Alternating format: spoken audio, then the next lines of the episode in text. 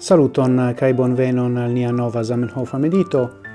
Hodiaŭ mi volas legi kai mediti kun vi sur eh, el tiro kiu venas el la declarazio de Homarano versio 1906 kiu trovigas en pagio 300 dudec hoc.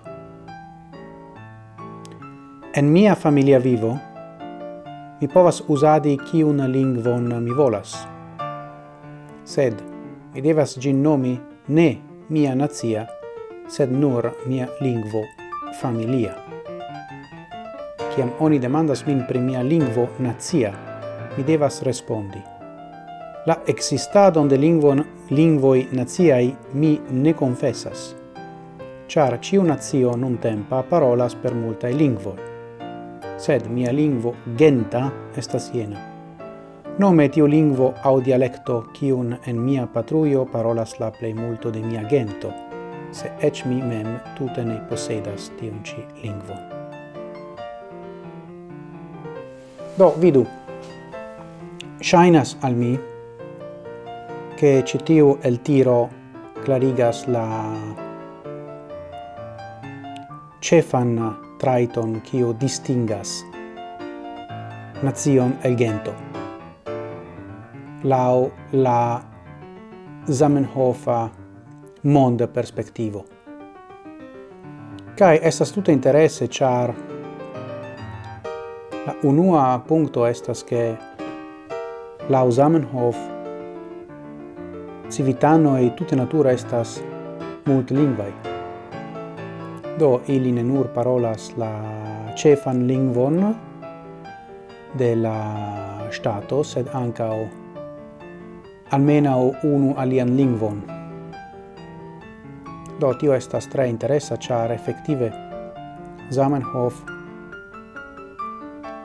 rifusas, mi povas diri, la existon de la Westfalia sistemo, kiu perceptis la mondon faritan el homogenai statoi en kiui estas nur unu lingvo, unu nazio, kai do unu gento.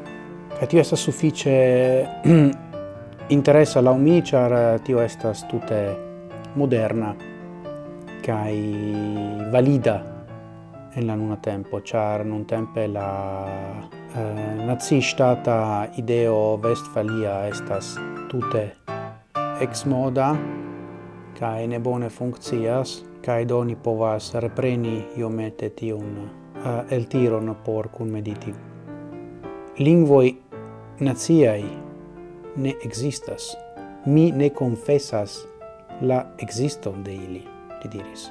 Tio estas granda afero. Ec tiam.